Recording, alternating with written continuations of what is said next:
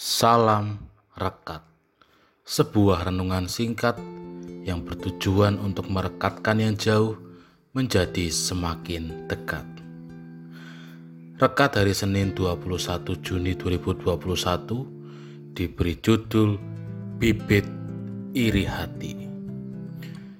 Rekat hari ini dilandasi firman Tuhan dari kitab 1 Samuel pasal 18 ayat 6 sampai 30.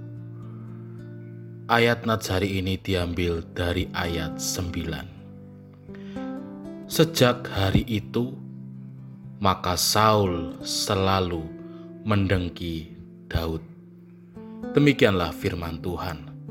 Berbahagialah setiap orang yang mendengarkan firman Tuhan dan memeliharanya. Haleluya! Saudara yang terkasih di dalam Tuhan, kapankah rasa iri hati, rasa benci, atau rasa dengki itu dimulai? Perasaan iri hati, perasaan benci, dan perasaan dengki itu dimulai di saat kita tidak mampu untuk mengelola perasaan kita yang maunya hanya menjadi orang yang lebih dari orang lain, lebih baik, lebih kaya, lebih pintar, lebih ganteng, lebih cantik, dan lebih lebih yang lain. Di saat kita tidak bisa menerima keunggulan orang lain, pada saat itulah iri hati, dengki, dan benci dimulai. Sama seperti firman Tuhan saat ini yang menceritakan tentang bagaimana Saul yang mulai benci dan iri hati kepada Daud.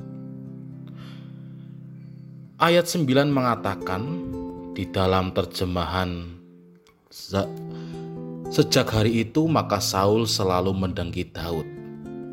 Dan di dalam terjemahan bahasa Indonesia masa kini, sejak hari itu ia iri hati kepada Daud.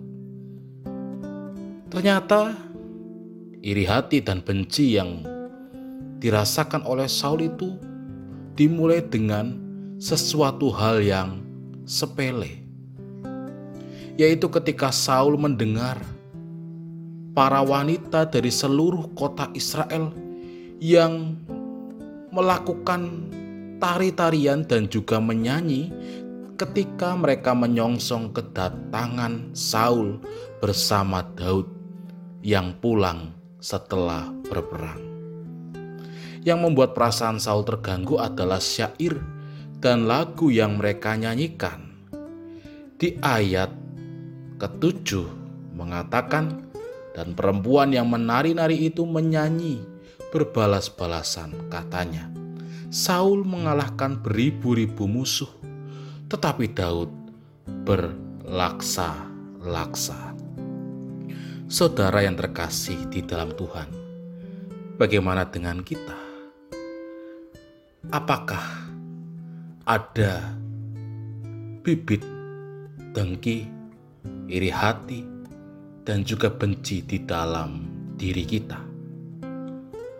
Ternyata bibit itu dapat dimulai ketika kita merasa risih ketika ada orang lain yang lebih unggul daripada kita.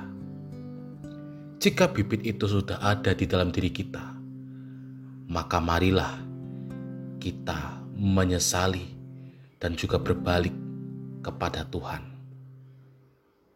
kita musnahkan bibit-bibit iri hati, dengki, dan benci dalam hidup kita. Amin. Mari kita berdoa. Kami mau memusnahkan segala bentuk bibit iri hati, dengki, dan benci di dalam diri kami. Amin.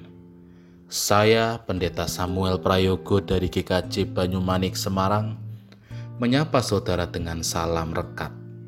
Sebuah renungan singkat yang bertujuan untuk merekatkan yang jauh menjadi semakin dekat.